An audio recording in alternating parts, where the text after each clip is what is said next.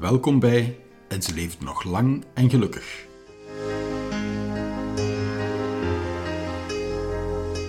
Een podcast voor iedereen die mee op zoek wil gaan naar wat de liefde is. Een podcast voor iedereen die benieuwd is hoe het sprookje of de romantische film verder gaat na de aftiteling en ze leefde nog lang en gelukkig. Deze podcast is een zoektocht van Anne Mee. Behalve executive coach is ze ook liefdesinspirator en oprichter van Butterfly Moments. Butterfly Moments organiseert unieke en bijzondere belevingen voor koppels. Veel luisterplezier.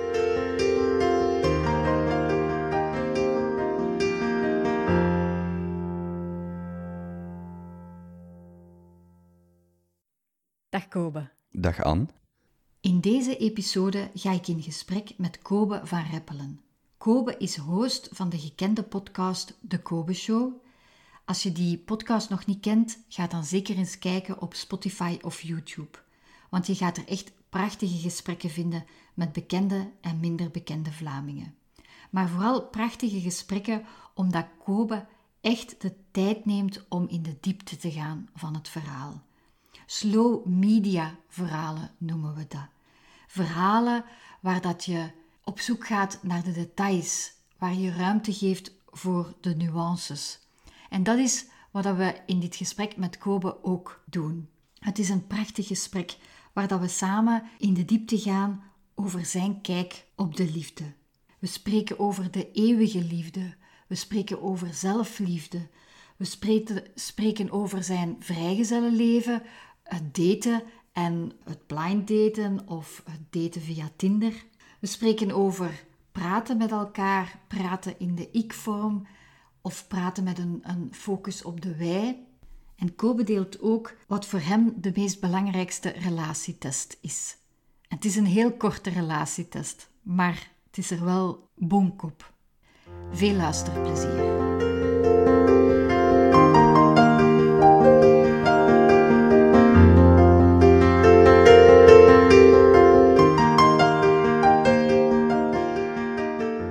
Heel veel mensen kennen jouw stem, maar niet zoveel mensen weten wie Kobe van Rippelen juist is. Misschien kan je kort al even zeggen wie dat je bent. Ik zal zo de, de uh, de Age Sex Location. Ik ben 28, ik ben een man. Ik woon in 2000 in Antwerpen, maar ik ben eigenlijk van Genk. Ik heb daar, uh, ben daar geboren, opgegroeid, tot en met mijn 25ste gewoond. Een paar jaar in het buitenland gezeten, maar vanaf mijn 25ste naar Antwerpen gekomen, dus nu vier jaar geleden. Andere feiten, ik heb uh, twee ouders die nog alle twee leven. Ik heb één broer, brandweerman. En ik ben naar Antwerpen gekomen omdat ik het hier, uh, omdat ik in, uh, in, het buitenland in veel grote steden heb gewoond, of relatief grote steden. En ik wou graag terug die grootstedelijke energie voelen en dat ondernemerschap en dat dynamisme. En ik voel me hier in Antwerpen wel heel goed. Dus ja, ik zit hier op mijn plaats. En ik vind het leuk dat ik de achtergrond heb van iemand die is opgegroeid in het groen. Rustig, sereen. En die nu hier in, in een stad woont als 28-jarige, die bijna 29 wordt. Dus dat is cool. Bijna, is dat? Ja.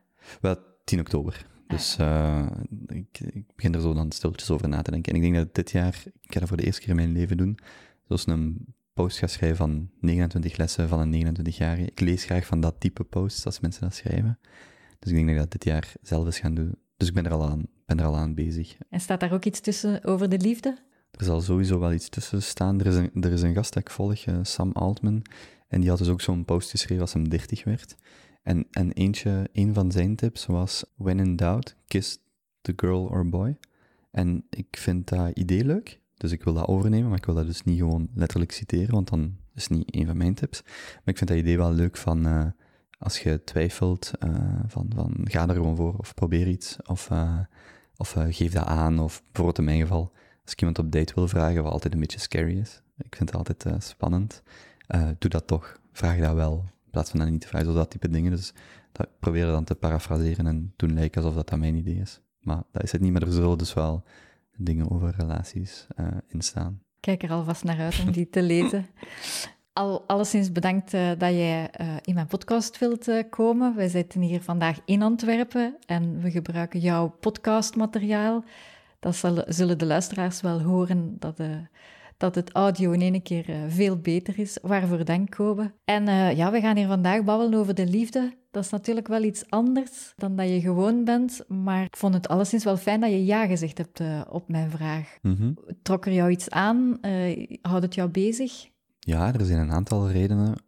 ik, ik denk dat ik sowieso al niet zoveel publiek spreek over persoonlijke en intieme dingen, of wanneer ik dat doe, is altijd vanuit uh, ik die het gesprek leid. Dus dat is makkelijker, want dan kun je zelf meer navigeren. Maar ik vind, um, ik denk dat de, uh, de podcast of de onderwerpen waar je over praat, of, of, of veel aan denkt, uh, of mee bezig bent, dat zijn ook dingen waar ik veel over nadenk.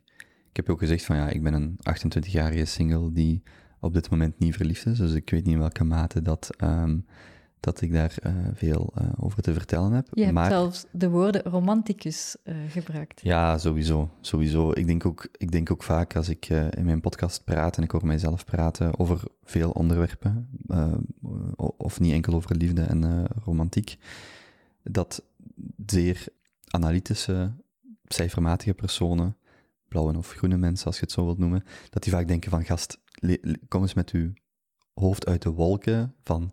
En ik zeg het ook altijd tegen mensen, mijn wereld is alles veel romantischer en uh, uh, ik leef in een droomwereld. Ik, ik, uh, ik, ontken dat ook niet, dus alles wat liefde, romantiek, relaties, dat type dingen, alles wat dat aangaat, ik denk daar heel veel over na. Ik ben daar graag mee bezig, praat en denk daar veel over na.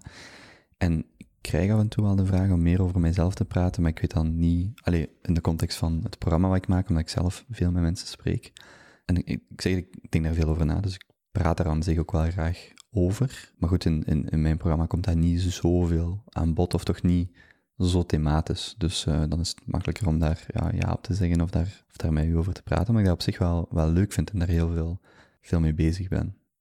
Gelijk, ik weet dat jij uh, verwees naar uh, The Five Love Languages. Dat is een boek wat hier, denk ik, om de vier afleveringen of zo komt dat wel ter sprake. We doen nu bijvoorbeeld, dus we hebben met Maten de Junta-opnames komen met drie, vier gasten samen.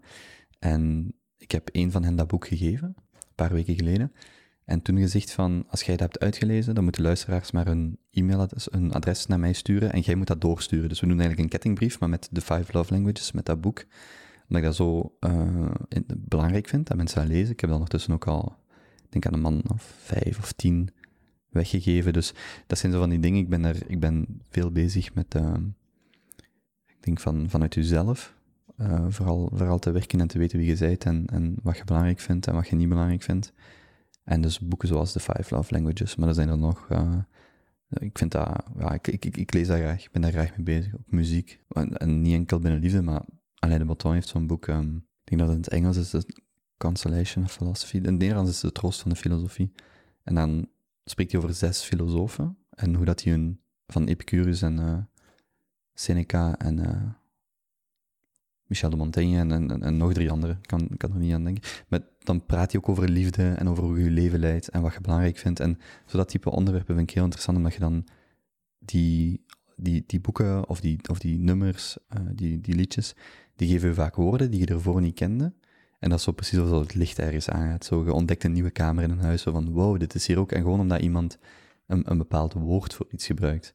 En daarom dat ik daar wel veel mee bezig ben en daar graag over lees en, en ja, mij daarmee bezig hou. Ja. ja. Misschien moet je ook al even toelichten wat dat, dat boek, De Vijf Liefdestalen eigenlijk, hmm. wat dat, dat juist betekent. Van wie heb je het gekregen trouwens? Um, hmm.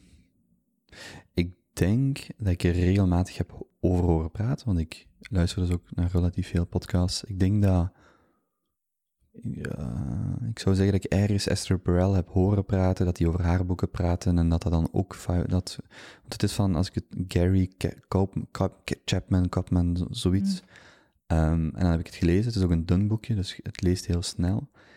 En wat ik er interessant aan vind, is de metafoor die ze gebruiken, of die helemaal klopt, dat weet ik niet, maar wel de metafoor van, je, net zoals je um, fonetische talen hebt, of, of uh, talen die wij spreken, um, heb je ook een, een, kunt je die metafoor in de liefde gebruiken. Niet iedereen uh, spreekt dezelfde taal. En twee, als je niet dezelfde taal spreekt, kun je moeilijker communiceren. En ik vind dat idee wel leuk, omdat die, het argument daar is, je hebt vijf hoofdtalen, zogezegd, en dan secundaire talen. Eigenlijk gelijk dat wij nu praten in een hoofdtaal, maar ook secundaire talen hebben. En eens dat je weet uh, wat je primaire taal is, wat jij apprecieert, hoe jij je liefde toont vooral, um, dan kun je dat van je partner uh, beter inschatten. Allee, kun je het van jezelf beter inschatten en dus ook van je partner. En ik vind dat belangrijk omdat je dan... Ik, ik ben heel veel bezig met hoe kun je leed beperken. Dat is zo een, een, groot thema in, mijn leven, waar ik heel veel aandacht aan besteed. Als we bijvoorbeeld onlangs op, op reis gingen met een groep mensen, toen we in die periode van een maand met 10 of 15 op reis mochten gaan, ik merk dan dat ik van nature heel veel ga verwijzen naar uh, uh, een schema maken, wie gaat opruimen, wanneer gaan we wat doen, om te vermijden dat er discussie ontstaat. Dus dat type leed vermijden is voor mij een heel groot, een heel groot thema. En bijvoorbeeld ook dus in, in een relatie. Je wilt vermijden dat iemand zijn of haar liefde toont, zonder dat dat gezien wordt. Je wilt vermijden dat iemand een taal spreekt die onontvankelijk is voor de andere partij, want dat is gewoon puur leed wat te, wat te vermijden is. En vanuit dat perspectief vind ik dat dan leuk om te weten van oké, wat zijn manieren waarop ik toon uh, dat ik iemand graag heb en niet louter in de romantische context, maar ook met vrienden. Ik, ik, schrijf bijvoorbeeld heel graag kaartjes, zo kleine attenties. Uh, dat doe ik heel graag. Um, maar goed, als uw partner dat niet zo ziet en die zich daar niet van bewust, dan is dat gewoon pijnlijk, want jij toont je liefde, maar die, die ontvangt dat niet zo. En bij mij bijvoorbeeld, ik vind uh, quality time is bij mij ook heel, heel belangrijk. Dus ik ben iemand die kan nu zes maanden niet horen en dan zijn we weekend samen. Alleen dus niet in mijn romantische context, maar bij vrienden heb ik dat. Ik heb vrij veel vrienden die, gelijk nu, ik ga binnenkort naar Amsterdam iemand bezoeken. Ik heb die gast, ik denk, negen maanden niet gezien of zo. En dan praten wij ook niet zoveel. Maar dan ben ik een weekend daar. En dan ben ik ook drie dagen daar bij hem om te horen hoe gaat het met u.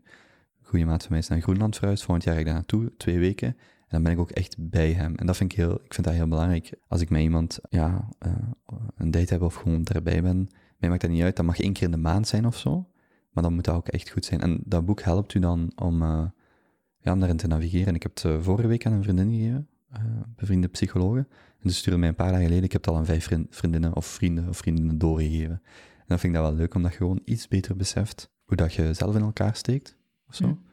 En ja, ik vind dat belangrijk. Ja. Ik ben heel blij om te horen dat, dat, uh, dat je dat boek ook doorgeeft aan de mensen, want uh, dat is ook iets wat ik al heel veel probeer, is, is, die, is die, die, die kennis van de vijf liefdestalen. Het is zo'n eenvoudige kennis eigenlijk. Hè. En, en, ik weet ook niet of dat uh, 100% wetenschappelijk onderbouwd is, of dat echt volledig is, maar... Dat, dat hoeft ook niet. Nee, voilà, daarover placebo nadenken. het placebo-effect is ook daar, denk ik, waar gewoon al erover nadenken ja. is al belangrijk. Ja.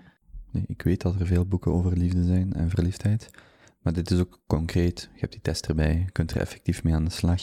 Nu ook daar, ik denk niet dat iedereen dat, dat boek leest en eens de perfecte romanticus is of zo, maar het helpt u gewoon om dingen, ja. te, dingen te ontdekken. En ik zeg het, er, is, er zijn zeer weinig mensen aan wie ik het boek geef, uh, die er niet enthousiast over zijn of worden. Dus ik denk dat dat een goede, goede maatstaf is. En het, het ligt ook in het verlengde van mijn taal. Graag dingen geven, graag dingen delen. Ik vind dat, ik vind dat ook gewoon leuk om te doen. Dus ja. ja. Maar Kobe, we zitten hier in Antwerpen, je bent opgegroeid in, in Genk. En op dit moment zeg jij uh, vrijgezel. Mag ik vragen hoe lang dat je al vrijgezel bent? Ja, ik denk vijf jaar nu. Oké. Okay. Ik heb uh, daarvoor, dus ik heb zo, als ik terugkwam uit Brazilië, toen was ik, toen was ik 19, dan een relatie gehad van twee jaar, dan vier jaar niet, of drie jaar niet, dan zeven maanden met iemand en dan weer vijf jaar niet. Dus ik heb eigenlijk nooit veel relaties gehad. En dus nu, of ja, technisch gezien vijf jaar single of vrijgezel. Is het iets dat je mist in je leven? De liefde, een relatie? Dat is iets waar ik naar op zoek ben. Of ik dat echt mis? Nee. Ik denk dat ik vrij goed op mijzelf ben en vrij gebalanceerd en ik weet wat ik leuk vind en waar ik mijn rust in vind en wat ik graag doe. En ik heb een relatief groot uh, sociaal vangnet of gewoon mensen rondom mij. Um, zowel privé als professioneel. Maar ik denk wel dat je, en ik zie dat ook rondom mij, dat die, die nood uh, om met iemand te zijn, of bij iemand te zijn, of die noodzaak, dat dat wel zeer intrinsiek is. En dat ik zeer weinig mensen ken, om, of bijna niemand, die daar niet op een of andere manier naar op zoek zijn. Ik denk dat, uh, zeker, ook zeker ikzelf, dat we in hoge mate ook op zoek zijn naar vervangers daarvoor. Dus dat we denken dat veel Tinder-dates of, of veel one-night stands of whatever dat dat mag zijn, dat dat zo precies een vervanging is, maar eigenlijk onderliggend wat je zoekt is misschien wel iemand om je, om je leven mee te delen of een, of een, uh, of een, of een levenspartner. En dat is soms wat moeilijker. Je, klinkt al vrij albollig als je zegt, als ik bijvoorbeeld tegen vrienden zeg, ik, ik heb al ervoor gezegd dat ik vrij romantisch ben, van ik zoek iemand om mijn leven mee te delen, dan klink je zo al precies als, als, alsof je in de verkeerde eeuw leeft of zo. Maar ik vind dat wel, dat is wel mijn, mijn insteek of mijn idee daar rond. Ehm, maar er is gewoon, er is heel veel afleiding, er zijn andere dingen om, om, om je op te focussen, of zo lijkt dat toch. Maar dat neemt niet weg dat ik daar wel uh, intrinsiek naar op zoek ben, of voor opensta, of welke metafoor je, ja. je daar ook het best voor wilt gebruiken. Dus mag je daaruit afleiden dat je gelooft in de eeuwige liefde? Dat is toch de bedoeling. Oké. Ik geloof, um, ja, eeuwig is een moeilijk, uh, eeuwig maakt dat, maakt dat een moeilijke vraag, omdat je weet niet... Uh, ja, maar gelooft je niet uh, in de relatie die je aangaat en dat je die voor altijd of zo voor until death do us part? Ja, ik, maar ik zeg dat bijvoorbeeld ook tegen mijn vrienden. Hè? Als ik iemand leer kennen, vriendschappelijk, man of vrouw, maakt niet uit, dan zal ik regelmatig zeggen van kijk, ik, ik wil met u over de decennia lang een vriendschap hebben. Er is, een, er is een citaat van iemand dat ik vrij intens volg. Uh, en die zegt, als je, hij gebruikt dat citaat voornamelijk in professionele context. En hij zegt, als je jezelf niet over tien jaar bij die werkgever ziet werken, gaat er dan morgen ook niet naartoe. Als een, nee. Met de onderliggende gedachte, de, de, de, de grootste of uh, de, de, de, de, het fruit of zo van het leven, of de, de, de, de, de grootste um, waarde in je leven komt net van lange termijn relaties, vriendschappen, mensen waar dat je dingen mee kunt delen. En als je jezelf niet... Dus elke vriendschap die ik vandaag aanga, daarvan ga ik ervan uit dat die op mijn trouw zijn, gegeven dat ik ooit een trouwfeest doe. Dan kan ik met de hand op het hart zeggen dat er weinig mensen zijn die ik vandaag, waar ik niet denk, ja, die wil ik erbij. Dus ik vind dat zeer belangrijk om, als ik iemand in mijn leven toelaat, dat dat ook, dat dat met een lange termijn perspectief is. En iemand die ik morgen niet per se wil zien, die dan, dus, dus vanuit dat perspectief zal ik dan snel zeggen van, ik geloof wel in de, of ik, ik probeer heel veel nadruk te leggen op die lange termijn relatie of vriendschap. Of dat eeuwig is. Leven is niet gemakkelijk, dus dat is moeilijk om te zeggen. Ik denk dat er heel zware testen zijn, maar ik denk dat wat je daarin merkt, dan zijn er twee dingen die samenkomen met ouder worden en zowel uh, op lange termijn denken is, dan gaat het niet zozeer om wie je op dit moment zijt, uh, wat je werk is, hoe jij je kleedt, hoe jij je gedraagt, maar het gaat vooral om wat zijn de waarden en normen dat je deelt. Want je kunt bijvoorbeeld vandaag in een job zitten dat je niet graag doet, maar als je waarden en normen complementair zijn, dan gaat dat zich op de, op de tijd of, of in de tijd wel recht trekken. En ik denk dat dat met mijn vrienden uh, en vriendinnen, dus zowel mannen als vrouwen, dat daar, dat daar een heel grote gemeenschappelijke basis aan waarden en normen die, die, die belangrijk zijn. En als je dus op lange termijn denkt, dan komt dat heel snel naar boven. Dan gaat het er niet om, zit jij vandaag druk bezig dit jaar met je werk en hebben we weinig tijd voor elkaar? Nee, als wij delen dat we de tijd dat we samen spenderen, dat die kwalitatief is, dan maakt het niet uit dat we elkaar wat minder zien, om een voorbeeld te geven. Of als jij, um, ik zeg maar, alle twee spontane mensen zijt, ja, dat is, een, dat is iets wat je deelt. Hoe je dat dan concreet in de wereld zet, is iets anders. Maar ik probeer dat wel, ja, probeer daar wel met ouder worden, denk dat ik er veel meer nadruk aan, uh, aan besteed als ik iemand leer kennen. Um, opnieuw, romantisch of niet romantisch, maar van, ook, wat zijn de ware normen dat die persoon... Die, ik, wil, ik heb niet meer de tijd om aan iemand uit te leggen waarom ik het belangrijk vind om rustig de tijd te nemen om te praten. Als je, die, als je dat niet hebt, goed, maar dan, dan kan ik, want ik weet dat ik mij daar eindeloos in ga frustreren of nulloos in ga frustreren. Ik zal mij nooit ja, opjagen voor een trein of een tram of een bus. Ik pak wel de volgende, dat is mijn, ik laat mij nooit opjagen. Dus als ik met mensen ben die bijvoorbeeld over een voetpad wandelen, dan denk ik, uh, lopen, denk ik, goed, ik word daar wat onrustig van. Misschien zit jij iemand die zichzelf heel veel gehaastheid oplegt, die dat voor zichzelf creëert, maar ik ga daar niet mee.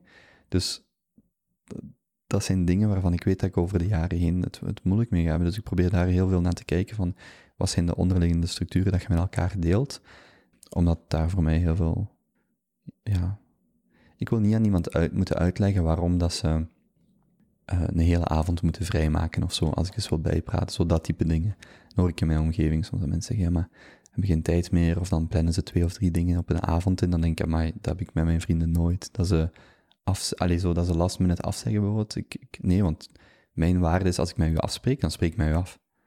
Uh, punt. Er komt en, mijn beste vrienden weten ook, die, als die mij morgen bellen en zeggen, ik heb u nu nodig, al heb ik een babbel met uh, Stromae of Sergio Herman, of het maakt niet uit wie dat, of, of Koning Filip of Marco Borsato, mensen waar ik al jaren mee probeer te spreken. Als morgen een vriend tegen mij zegt, ik zit in nood, kunt jij nu komen? Ja, dan, dat is zo, dat is wat ik, dat is, dat is mijn, in mijn waarde en normen heeft dat prioriteit op, op andere dingen.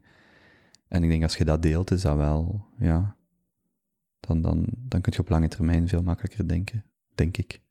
En dat is dan waarschijnlijk ook wat je naar op zoek bent. Eh, als je op zoek bent naar een partner of, op zoek bent naar liefde, is dat iemand waar je jouw waarde mee kan delen. Ja, alleen waar dat je dezelfde waarde mee deelt, of grotendeels dezelfde.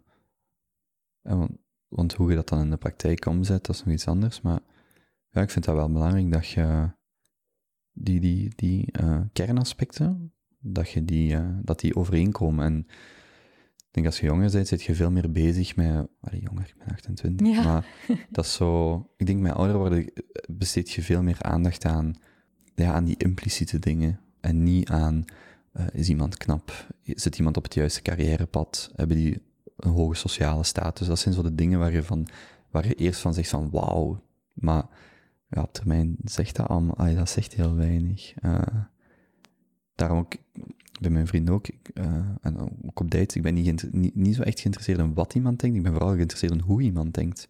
Want wat je denkt, Misschien denkt jij vandaag, ik weet niet, een of andere zot idee wat ik niet volg, maar als ik weet hoe jij denkt, dat vind ik veel belangrijker. Want dat, dat komt terug op, op wat zijn de dieper liggende manieren waarop jij denkt of wat jij belangrijk vindt.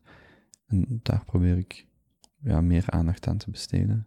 Heb jij de, de liefde gezien als jij opgroeide? En, en hoe zag je die uh, tussen jouw ouders? Ik ga ervan uit dat ze nog samen zijn. Die zijn nog samen. Uh, denk 32, 1 of 32 jaar, uh, denk ik. Um, ik heb altijd gedacht dat mijn. We hebben niet zo. Wij, ik, wij dus dan bedoel ik mijn broer en ik, komen niet zo uit een uh, gezin waar heel veel affectie en liefde getoond werd. Ah, ik zou net omgekeerde denken, want als je jouw romantische ziel ja. kijkt, dan komt dat meestal ja. vanuit het opgroeien mee. Ja, maar ik denk dat dat bij mij overcompensatie is. Ah ja, ja dat, um, dat is het andere. Dat is gelijk in mijn babbel. Ik geef mensen heel veel ruimte om te praten en om te vertellen. Dat is omdat ik uh, het gevoel heb dat ik zelf niet veel heb gekregen. Dat is, allee, dat is zo, vaak geef je heel veel wat je zelf nooit hebt gehad, of in beperkte mate, of wat je mist. En wij komen niet, of ik zal voor, mij, voor mijzelf spreken, niet uit een zeer liefdevol romantisch gezin. Ik denk dat dat eerder een soort van um, uh, zakelijke relatie, huwelijk is. Wat voor, voor alle duidelijkheid voor mij geen waardeoordeel is. Als jij. Ik, um, um, ik, ik, weet niet of een, of, een, of, een, of een huwelijk per se beter is omdat dat super romantisch is. Ik denk dat. Ik wil dat voor mijzelf. Maar ze zijn nog samen. En als ik dat vergelijk met uh, ouders van gescheiden, kind, uh, kinderen van gescheiden ouders, dan, ja, dan denk ik dat dat wat wij gezien hebben nog altijd, of dat, wat ik als kind gezien heb, nog altijd daar uh, uh, een betere optie is als, als, als, een, als kind zijn van gescheiden ouders. Maar dat was wel eerder een, een, een ja, er was niet zoveel ruimte voor affectie en voor, voor romantiek of zo. Dus daarbij, of dat heb ik als kind niet echt gezien. Kan ook te maken hebben met de omgeving. Ik weet niet, ik denk dat als je zo wat ik bijvoorbeeld fijn vind aan een stad wonen, is er is heel veel dynamiek, er zijn heel veel nieuwe impulsen, heel veel nieuwe fysieke dingen, gewoon nieuwe restaurants, nieuwe bars, dat type dingen. Ik denk dat het moeilijker is om vast te roesten in een bepaalde routine als je in een meer dynamische omgeving zit. Dus ik kan mij voorstellen, als ik bijvoorbeeld op de buiten ga wonen met iemand, dat je sneller al in een bepaalde, ja, we doen gewoon, dit is, dit is ons leven en, en we zitten zo wat in, in die routine en dat is goed genoeg. En we kennen al onze buren en we kennen iedereen op school en er komt daar relatief weinig bij. Terwijl waar ik net op zoek ga nu is ja, net dat, dat onbekende of dat nieuwe. Dus ja, Wacht, daar ben ik niet gewoon mee. Eh, hm? Je was aan het vertellen van, ik ben een romanticus, ik heb het vroeger niet gezien.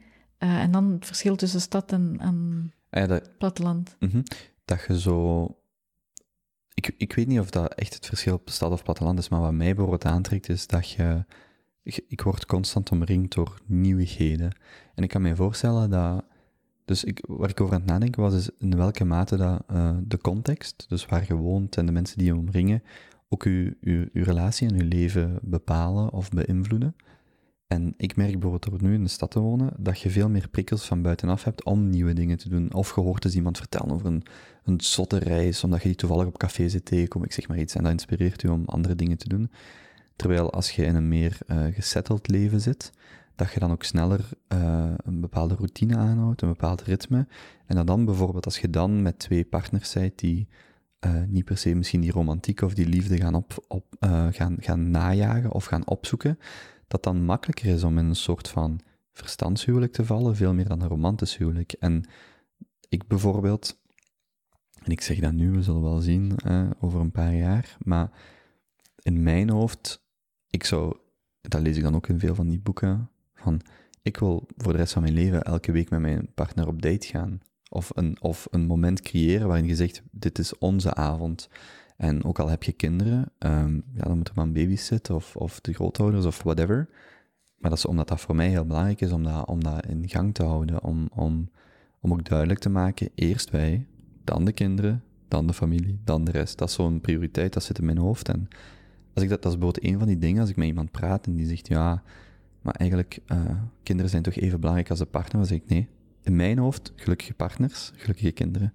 En dat is eenrichtingsverkeer. Dat wil niet zeggen dat die niet op elkaar inspelen, maar dat is zeer duidelijk voor mij. Dus als de keuze is tussen een babysit en wij op date versus wij met de kinderen, nee, nee, dan gaat er echt wel een dag per maand of per week, whatever dat het, de, het, het tempo is, voor ons zijn, omdat dat voor mij de prioriteit heeft. En dus wat ik bedoel is, als je in een context zit, in een omgeving, waar dat je daar niet echt in gestimuleerd wordt, dan is het makkelijker om te vervallen, denk ik, in ja, een bepaald patroon en, en um, en ik associeer dat nu bijvoorbeeld met die platteland of met de stedelijke dynamiek, maar dat, kan, ah, dat kunnen ook andere dingen zijn. Hè? Ik zeg niet dat het louter dat is. Ja. Um, maar als het leven zijn gangetje gaat, dan heb je ook geen, precies geen nood om dat, om dat te veranderen. Als, dan de, mm als je meer een broer-zusrelatie hebt en dat loopt zo, mm sommige mensen gaan het dan ook niet geneigd zijn om daaraan te veranderen, als er geen nieuwe impulsen komen. Tuurlijk, tuurlijk. En, en daarom dat ik ook zeg, ik denk dat wij van thuis uit niet veel uh, affectie of liefde hebben gezien, of ik toch niet. Maar dat is dus geen waardeoordeel over, de, over dat huwelijk zelf. Ik denk dat je in een bepaald uh, patroon zit of, of rol valt. En, en ik denk niet dat het summen van een huwelijk, denk ik, is niet hoeveel romantiek dat er is, maar is ook in welke mate kun je kinderen samen opvoeden, kun je zorgen voor je, ouders wanneer dat die uh, minder goed uh, zijn, in welke mate kun je jezelf ontwikkelen en ontplooien en wanneer dat, dat valt binnen, de kader, binnen het kader van een eerder zakelijk huwelijk, mij niet gelaten, hè? Ay, doe, wat je moet doen. Maar voor mij is dat wel, ja, ik, ik ben daar wel heel hard naar op zoek, naar zo dat, dat romantische en dat, uh, ja, dat kunnen delen. Um, dat zijn, dat zijn soms heel kleine dingen, maar ik denk dat Esther Perel daar vaak over praat. Van, um, ja, de meeste mensen, die hebben dan een date, vrijdag of zaterdagavond, op het einde van een werkweek, die zijn stik kapot en dan maken ze tijd voor zichzelf. Ga dan eens gewoon op een maandag of, of wanneer dan ook ontbijten. Pak een voormiddag vrij, wanneer je energie hebt. Stuur die stomme kinderen naar school, hup. En doe dat eens wanneer je energie hebt voor elkaar. En niet op het einde van de week wanneer je back af bent. Dat zijn van die kleine dingen dat ik denk, oké, en dat moet, die ideeën, denk ik, die moeten gevoed worden of die moeten naar je komen, je moet daarvoor openstaan. En ik merk dat ik daar meer voor opensta wanneer ik in een, ja, ik zeg maar, een, uh, in, deze context zit. Uh, in, in, in, dat energieke, in dat dynamische van een stad. En ik kan mij dus voorstellen, moest ik dat, moest ik dat niet hebben, dat je daar ook gewoon veel minder voor open staat. Maar goed, dan spreek ik voor, voor mijzelf. Nu, in uw, in uw rangschikking, wij, de kinderen, de familie en zo verder. Um, het valt mij op dat je daar het, jezelf niet in, in, oplijst, het individu. Jij als persoon. Is dat ook de ah. romanticus die, uh, die vooral in de wij-vorm denkt? Ik vind dat wel, omdat als, we die, als we die discussie die je lang kunt voeren over in welke mate zijt je een persoon die in een relatie stapt, in welke mate vult die, die andere persoon u aan, valt u, vangt hij uw zwaktes op en al dat type. En nee, je moet eerst van jezelf houden voor je van iemand anders kunt houden. En je kunt daar heel lang over discussiëren, maar dan zeg ik altijd, ja, maar ik kan mijzelf niet knuffelen. Dus ja, ik kan mijzelf graag zien, maar voor sommige dingen heb je effectief een tweede persoon nodig. En meer zelfs, Je hebt zo, ik denk, ik ken alleen van zo super additief uit de wiskunde, maar dat gaat er zo om dat zo 1 plus 1 is 3. En, en dat principe, daar geloof ik wel heel hard in. Van, ik kan één zijn en jij kunt één zijn, maar samen zijn we drie. Zo dat principe. Ehm, en daarom dat ik vooral redeneer vanuit wij. Uh, en natuurlijk is daar ruimte voor, voor, um, voor het individu. Uiteraard, allee, daar, daar begint dat mee. Als jij ongelukkig bent, straat af voor je partner enzovoort enzoverder. Mm, maar ja, ik vind wel dat je u met je twee in het centrum, jij zit het centrum van de wereld. Bijvoorbeeld ook, ik vind dat een spannende discussie, hoe je financiën doet. Uh, in, in, een relatie. Jonas en ik, van mijn beste maten, wij praten daar vroeger heel veel op en wij vonden elkaar daarin. En bijna niemand anders deed dat zo. Dus we vroegen dan regelmatig van, oké, hoe, hoe doe je dat als je samenkomt? Hè? Je, zit, je zit samen, een paar weken, maanden, je gaat brood samen wonen of je deelt iets. En de meeste mensen zullen zeggen van, ja, uh, we hebben ons loon. De ene heeft 2003, de andere 1800, whatever. Uh, iedereen legt 500 euro of 1000 euro in een pot. We verdelen de huur daaruit, of betalen, en de rest is voor, voor u privé. Terwijl als wij het daarover hadden, ik zei altijd, nee, je gooit alles samen in een pot. Maakt niet uit wat je verdient, of wie wat verdient. Alles in een pot. Dan bespreekt je hoeveel heb je voor jezelf nodig om op een maand te spenderen. En voor de ene kan dat zijn aan nagels laten doen, voor de andere voor zijn boeken te kopen, voor nog een ander om te reizen. Oké, ieder 500 euro per maand eruit of whatever. En de rest houd je voor, voor huur en om samen gezamenlijk te sparen. Dus het maakt niet uit wie wat verdient. Je hebt ieder je eigen budget om te spenderen en de rest is gewoon voor beide. Maar wanneer ik dat tegen vrienden zeg, dan zeggen die, maar nee, ik, ik werk zo hard, ik verdien meer en ik heb 3000 euro netto en zij 2000, ja oké, we dragen ieder 1000 bij. Dan denk je, maar dan heb jij 2000 euro over en zij 1000. Of andersom. Dat is toch niet fair? Dat is toch niet correct? Ja, maar ja, maar dat is, en bijvoorbeeld dat is zo'n voorbeeld. Als je wij centraal stelt en niet ik, dan gooit gewoon al samen. Je verdeelt wat je privé wilt besteden en de rest is gewoon wij. En ik zie niet waarom ik dat, waarom niet iedereen dat zo, allee, ik begrijp waarom niet iedereen dat zo doet, maar in mijn hoofd is dat de logica zelf. Als ik met vrienden over praat, dan is dat zo, kom, waarom zou je dat allemaal samengooien? Ik zo, ja, omdat ik op 50 jaar denk, of totdat ik sterf, en dan is dat toch niet meer als logisch dat alles samenkomt. Dan is er geen ik meer. Dat wil niet zeggen dat ik niet belangrijk ben. Als ik morgen mijn werk verlies, dat is relevant. Maar in mijn hoofd smijt je dat samen, want zo gaat je dat toch de komende 10, 20, 30, 40, 50 jaar doen. In mijn hoofd. En dan is dat zo, ah ja.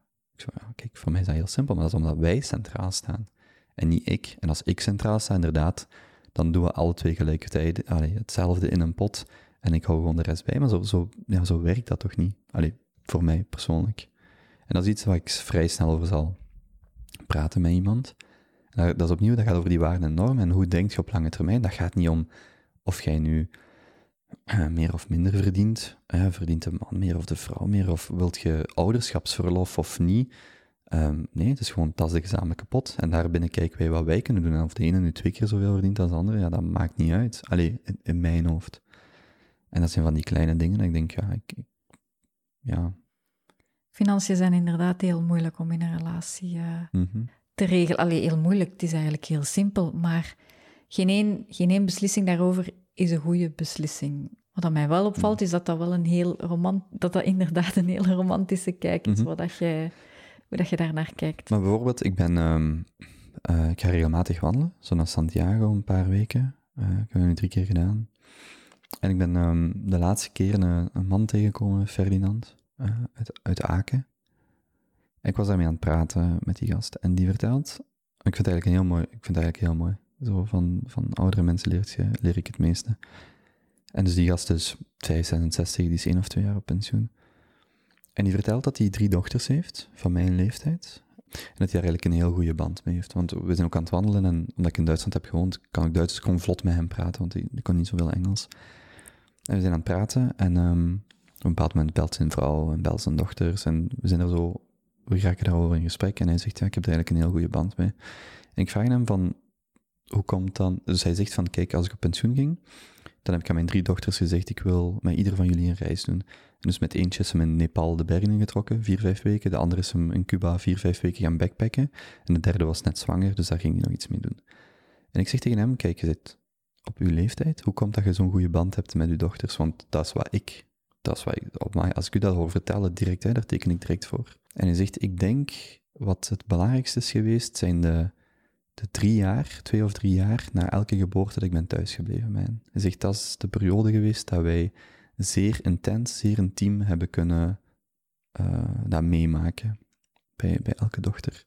En dan denk ik, oké, zo'n dingen, zo'n verhaal hoort je, en dan begint je te denken, goed, ik wil niet aan mijn vriendin uitleggen waarom een reis van 3000 euro naar Bali voor mij minder belangrijk is, bijvoorbeeld, dan die 3000 euro aan de kant te houden en vijf maanden halftijds te kunnen gaan werken en dat geld te kunnen gebruiken om bij die kleine te blijven. Dat zijn zeer kleine dingen, maar daar merk ik heel duidelijk wat dat die, hoe, nog niet wat dat hij vertelt, hoe. Gewoon al de energie en de fierheid dat van die man zijn gezicht straalt als hij vertelt over zijn kinderen, dan denk ik, dat wil ik. En dat is dan zo, vanuit dat perspectief ook, je gooit dat samen en je denkt, hoe kunnen wij, die, hoe kunnen wij samenwerken naar wat wij heel belangrijk vinden? En dan gaat het niet om, dan gaat het erom dat ik wil kunnen zeggen, wat als ik twee jaar wil thuisblijven als mijn dochter of zoontje of allemaal geboren? Hoe kunnen wij dat te bewerkstelligen? En dat gesprek willen kunnen voeren, en dat kun je enkel maar voeren vanuit wij. Dat is niet gewoon, ik wil twee jaar thuis blijven. Nee, dat gaat zomaar niet. Allee, en daarom dat dat voor mij heel belangrijk is. En dat klinkt dan heel romantisch, maar dat is zo... Als, ik, als je met zo twee, drie mensen spreekt die met zo'n fierheid daarover praten, dan weet je direct, oké, ik zal tien jaar niet op reis gaan, als dat betekent dat ik daar voor twee jaar met mijn kinderen kan blijven, want dat is wat ik wil. En die reizen, sorry, maar dat kan mij, ik spreek een paar talen, dat kan mij allemaal gestolen worden. Dat is zo, dat is fijn en dat is aangenaam, maar dat is niet de kern van wie je bent of waarvoor je leeft. En opnieuw, ik spreek voor mezelf. Dus dat is zo, ja, dat gaat voor mij dan echt naar de kern. En dat gesprek wil ik met mijn partner kunnen voeren van, oké, ik wil twee jaar thuis blijven bij die kinderen. En of dat dan halftijds werken is, of nog ernaast iets, dat moet, dat moet je voor jezelf invullen. Maar dat is wat ik fundamenteel wil zeggen. Ja. En, ja. En dat is dan weer wat je daarnet zei van, ik wil in gesprek gaan hoe dat ik denk, niet wat dat ik ja, denk. Ja, inderdaad. Dat, inderdaad. Als, als, als, dan gaat het inderdaad over de waarden. Hè. Dan is, veronderstel ik, uh, het opvoeden van de kinderen. Ik weet niet welke waarden dat je daar dan moet opplakken. Family time of, of zo. Komt dan uh, bij jou wel hoog in een, in een topranking. Ja, omdat je ziet ook, denk ik, vaak gaat de discussie zo over um, bijvoorbeeld werk en uh, carrière. Ik denk dat dat vooral dat dat voor, voor mannen heel relevant is, maar ook hoe lang, ik zie dat ook bij, de, bij mijn vriendinnen rondom mij. En ik denk dat mijn standpunt is dat, dat, dat ook daar een hiërarchie in is. Je kunt niet beide, in mijn ogen, zowel als man als als vrouw, even goed doen op een hoog niveau. Ergens moet je zeggen, ofwel ga ik voor mijn carrière volledig, of voor mijn familie. En het een zal altijd leiden onder het ander. Dat is, mij, dat is wat ik daarover denk. Maar er zijn mensen die zullen zeggen, nee komen, dat is niet waar. Dat kan allemaal samen tegelijkertijd op hetzelfde moment perfect. Dan denk ik, nee. Want ik hoor bijvoorbeeld zo'n Ferdinand praten. Die zegt, ik ben twee jaar thuis gebleven. Hoe kan ik mijn carrière even goed doen als ik ook twee jaar bij mijn kinderen wil thuisblijven? Dat wil niet zeggen dat ik geen carrière ondertussen kan hebben. Maar dat wil wel zeggen dat ik tegen mijn vrouw wil kunnen zeggen van, kijk, of vriendin, ik denk dat twee jaar bij die kinderen thuisblijven op lange termijn ons veel meer plezier gaat geven dat wil niet zeggen dat je geen carrière mocht hebben, dat wil alleen zeggen, wat wilt je op lange termijn? En misschien wilt jij gaan voor bepaalde accolades of, of onderzoek of wat je ook wilt doen, maar ik wil wel dat gesprek met je kunnen voeren. En vanuit die waarde van wat willen wij eigenlijk tegen het einde van ons leven bereikt hebben, of, of waar willen wij op terugkijken, of welke persoon willen wij zijn, dan moet je dat gesprek kunnen voeren zonder dat dat zo opnieuw vanuit, vanuit wat willen wij, niet louter wat wil ik. Ah ja, ik wil awards of ik wil dat loon of dat bedrijf of whatever, of zoveel geld. Maar wat willen wij?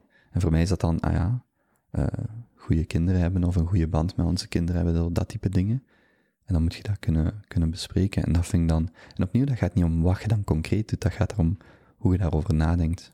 Maar natuurlijk, om te kunnen weten wat dat wij willen, moet je eerst weten wat, dat, wat dat jouw behoeften zijn. Ja. Maar die kun je ook, denk ik, samen ontdekken. Um, want veel dingen ontdekt je ook maar door, uh, ja, door daar samen. Je kunt heel veel dingen over jezelf ontdekken door die alleen te doen. Maar bijvoorbeeld iemand missen. ja, daarvoor heb je iemand nodig om te missen. Dus je kunt wel zeggen, ja, ontdek voor jezelf wat het betekent om iemand te missen. Ja, maar ja, dat, dat is afhankelijk van wie ik mis. En voor sommige dingen heb je effectief andere mensen nodig. Dat is zo, kijk, dat we het hebben over rouwproces. De ene rouwt twee dagen, de andere twintig jaar. Dat kun je niet zomaar, dat is in, context tot andere mensen. Dan kun je zeggen, maar je moet jezelf kennen, dan weet je hoe lang je rouwt. Ja, maar ik bedoel, dat is, dat is, dat is niet allemaal zo, dat is niet zo vast. En wat ik bedoel is, ik kan wel nadenken over welke waarden en normen ik mijn kinderen zou willen meegeven.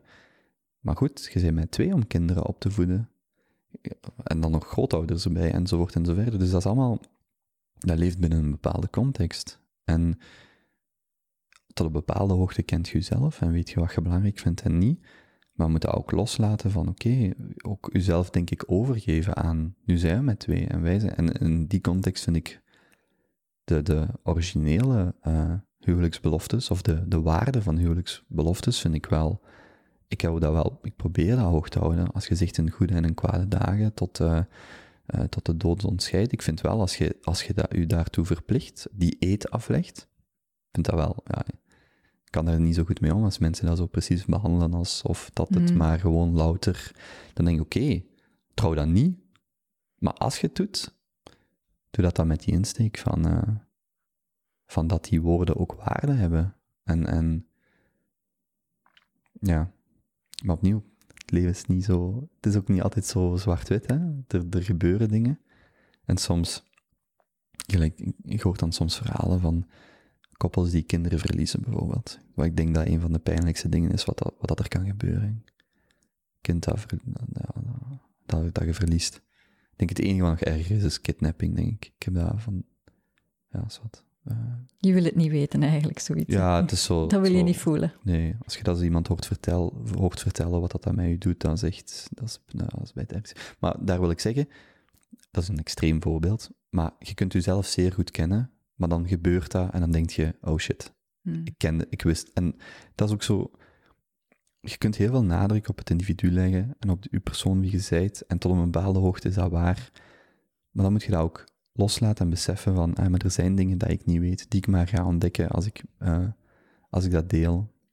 En, en ja, Maar ik ben wel heel blij dat je, dat je dat zegt over die zelfliefde, dat er dat inderdaad dat dat ergens wel moet zijn om, eh, om goed in een relatie te staan, maar dat dat geen voorwaarde is. Want ik moet zeggen dat ik daar heel lang op vastgelopen ben. Ik, en dan, dan in het begin van de relatie voelde ik wel dat ik bepaalde noden had. eh, dat er zaken bevestigd werden, dat ik Hmm. dingen hoorde, dat ik dingen voelde. Eh, zeker omdat ik er zo lang, 13 jaar naar had verlangd. En ja, ik hoorde dan in alle boeken, alleen heel wat boeken wordt er dan gezegd, ja, dat is omdat je jezelf niet, je moet, je moet jezelf eh, gewoon heel graag zien en dan loopt de relatie vanzelf. En ik, ik liep daar echt op vast, want ik, ik, ik, ik, ik denk dat ik mijn eigen graag zie. En toch heb, had ik bepaalde noden in, in, in een relatie. Dus dan, dan ging ik ervan uit dat ik mijzelf niet genoeg zag. En, maar allee, ik, ik werd er echt heel lastig over. En, en ik stelde mezelf, ik werd er heel onzeker van Mhm. over mezelf. En ik ben blij dat je zegt dat je dat helemaal niet zo ziet. Maar dat is zo een stom voorbeeld. Wees uzelf, zo dat type advies. Hè? Ja. Of hou van uzelf, wees uzelf. Kijk, als ik een date heb en er komt iemand naar hier, dan ruim ik mijn kamer of mijn appartement veel beter op als dat het voor me... Ben ik dan mijzelf of niet? Om maar te zeggen, dat is een stom voorbeeld, maar om maar te zeggen, dat is allemaal niet zo... Natuurlijk is er een mate van wees uzelf of zelfliefde, ken uzelf. Maar dat is ook een straatje, als, je, als dat het doel wordt, dan is dat ook gewoon een straatje zonder einde, want daar is geen, daar is geen limiet op. Je kunt jezelf altijd iets beter kennen. En het is soms veel angstaanjagender, denk ik, om dat los te laten. Maar dat is net wat je, wat je denk ik, moet doen, dat loslaten en, en er ook gewoon in vertrouwen dat dat, dat, dat, dat, goed komt. Ehm, Want we zijn er toch over eens dat we niet gemaakt zijn om alleen te zijn op deze wereld. je kunt die, vind ik, die vraag vanuit verschillende perspectieven beantwoorden. Ehm, ik hou wel graag van zo van die biologische argumenten, ook al ben ik geen bioloog, dus ik moet daarmee oppassen. Maar zo het feit dat, ehm, de mensen die echt alleen willen zijn, die zullen zich niet voortplanten, want ja, die willen alleen zijn. Dus de mensen die zich wel voortplanten, zijn mensen die net toch een bepaalde mate van samen. Dus dat is, wel, dus dat argument, dat is al één. Dus, dus wanneer ik mensen spreek die zeggen, wij willen bijvoorbeeld geen kinderen, oké. Maar... Daar stopt het dan. Stel dat dat al een gen is, dat gaat zich niet door, voortplanten, want inderdaad, jij wilt geen kinderen, en binnen drie generaties wilt weer iedereen kinderen, want die hebben zich voortgeplant. Allee, het is niet zo simpel, maar dat is één argument. En het andere is, ja, ik zou, niet, ik zou mij niet op dezelfde mate vervuld voelen, denk ik, als ik altijd alleen blijf. Um, maar goed, dat is mijn persoonlijke aanvoelen. Um, gelijk, ik kan geen kinderen op mijzelf maken, bijvoorbeeld.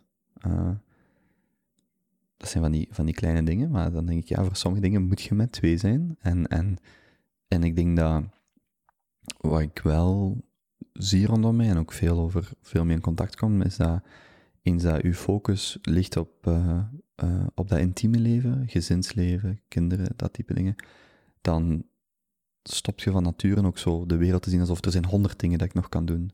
Er zijn ik kan nog naar daar en naar daar en die reis en die carrière en die persoon. En is gewoon nee, ik wil gewoon mijn zoontje of dochtertje zien lachen. Ik wil gewoon een uh, gezond gezinsleven hebben. Ik wil op zondag mijn ouders of schoonouders bezoeken zodat dat u ook, een bepaalde focus geeft van oké, hiervoor, hiervoor, uh, dit is wat relevant is. En dat die uh, ene klant zeven dagen laattijdig is met zijn betaling, of dat weegt niet op tegen mijn dochtertje wat hier zit uh, van plezier niet op kan omdat ze in wat water springt of zo. Ik denk dat, dat ik dat wel anekdotes ook bij vrienden en familie zie van zo'n soort van focus van eerst zit je jong en je kunt honderden en één dingen en je wilt ook en je wordt daar onrustig van. En dan word je ineens gelimiteerd tot minder dingen. Uh, maar dat zorgt voor een bepaalde focus. En zo bijvoorbeeld, nu zal ik denken van, ah, ik kan nog boeken schrijven, ik kan nog dit, ik kan nog dat, ik kan nog zoveel. Maar het kan even goed zijn dat ik straks kinderen heb en zeg, ah, ik ga gewoon kinderboeken schrijven. Dat ik ineens zo'n bepaalde focus heb van, en dat zie ik dus ook bij andere mensen, zo van, ah, nu weet ik ineens waarom, hoe dat ik dat kan kanaliseren. En ik vind, ik vind zo'n argument ook wel spannend. En voor, dat kan even een moestuintje zijn. Hè? Dat iemand zegt van, wauw, ik ben eigenlijk super nauwgezet, maar ik word zot in de professionele context, maar mijn tuin is prachtig omdat ik daar dat bijvoorbeeld kwijt kan. Dus, dus dat gaat mij ook niet alleen om, om, om, om uh, kinderen of een gezinsleven, maar het gaat erom dat er bepaalde dingen zijn dat je focussen. Of een huisdier. Iedereen dat een, huis, een huisdier heeft, heeft minder vrijheid op een bepaald... Hè, je hebt gewoon minder vrijheid kunt je hond niet in het vliegtuig meepakken, gelijk dat je zonder een hond in het vliegtuig zou reizen. Of niet met dezelfde mate van gemak. Maar je krijgt daar iets anders voor in de plaats. Misschien wat structuur, liefde, affectie. Iemand die blij is als je thuis komt. Hoeveel mensen hebben een hond omdat er toch iemand blij is als ze thuiskomen. Om maar te zeggen, dat is een vernauwing van uw mogelijkheden, maar dat is ook een bepaalde verdieping. En ik denk dat dat dat je daarvoor net andere dingen in je leven kunt introduceren. En dan kun je zeggen, maar je moet gelukkig zijn op jezelf. Ja, maar goed. Maar er zit een bovengrens aan. En, en, en dat kun je, die 1 plus 1 is 3, kan die dat huisdier zijn, of die moestuin, of, of die kinderen, of wat dat ook voor u is. En, en ik denk dat mensen die heel veel focussen op ik, of op zichzelf, op dat materialistische meer, ja, die, die, die, ja, dat is, ja. Ja, je bent nu uh, vrijgezel komen en je zet, zet je ook aan het daten? Is dat iets wat je leuk vindt? Ik vind dat vermoeiend. en ik ben nogal uh, zwart-wit op veel vlakken, dus ofwel 0 of 100. Dus ik kan daar zo een beetje overboord in gaan. Ik kan daar soms zo maanden, jaren rustig in zijn. Alles ah, op zijn beloop daten, wilt je zeggen? Ja, ja, ja. Of niet op een date, want ik weet ook, ik ben ook zo'n type persoon dat niet door heeft dat hij op een date is, bijvoorbeeld. Dus het gaat meer over romantiek. Soms wacht, ben ik... wacht, hoe kun je niet weten dat je op een date bent? Ja, dat dat... ja... Of niet beseffen. Ja, het niet beseffen. Of dat je zo... Dat je thuis komt en denkt van... Ah, dat was misschien meer dan louter elkaar leren kennen of zo. Allee, ik ben zo'n type persoon dat zo... Dat niet altijd door heeft dat er zo meer is of zoiets. Dus op het moment dat ik bijvoorbeeld rustig daarin ben en de rust daarin vind, dan ontmoet ik gewoon mensen. En ik zal dan dingen doen die misschien als een date overkomen, gelijk gaan wandelen in een park en uren praten. Voor sommige mensen is dat zeer intens, maar dat is gewoon iets wat ik, als ik rustig ben aan het doen, of, of voor iemand koken, dat ik iemand leer kennen en zeg, oké, kom eens gewoon langs, ik kook, of, of we koken samen, of whatever. En dat is dan misschien iemand anders zou dat dan een date noemen, maar voor mij is dat zo, ja, ik, doe dat, ik vind dat gewoon leuk Ah, om, ja, om mensen te ontmoeten, zo dat type ding. het is niet dat je op Tinder bent en elke maandagavond vrijmaakt om een date. Nee, en soms, en dat is dan, ah, wel, dat is dan de, dat is als die, eh, als het naar de andere kant overslaat, dan gaat je zo op zoek naar eh, substituten van wat je eigenlijk zoekt. En dat is dan bijvoorbeeld ja, op Tinder zitten. En, en ik heb dat zo twee weken per jaar of zo geïnstalleerd, denk ik. En dat zijn dan zo de momenten dat ik zo mij niet goed voel en dan zit je bespoot op Tinder.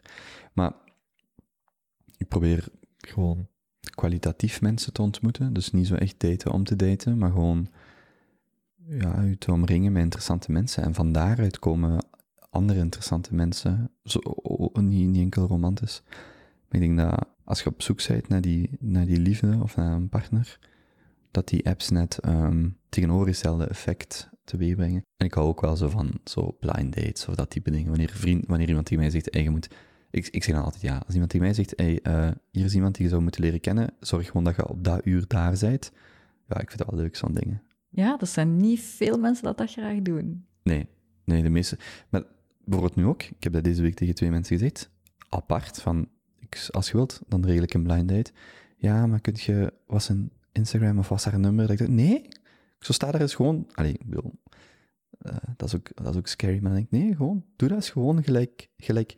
Iedereen houdt van de romantiek in een eh, pina colada song, maar als ze het dan echt moeten doen, dan is het, "Oeh, dat durf ik niet. Dan denk ik, ja, allee jong, dat is waar heel dat liedje over gaat. Zeg, eh, Koben, er kriebelt hier wel iets bij mij. Mag ik jou op eh, blind date sturen? Of blind dates? Of mogen luisteraars mij suggesties doen? Ehm, ik ga terugverwijzen naar die context. Ik vind bij blind dates al- heel veel, heel veel dingen draaien fundamenteel om vertrouwt je iemand. Dus als het puur erom gaat, ehm, ehm, kan ik u willekeurig met mensen verbinden, dan zeg ik nee.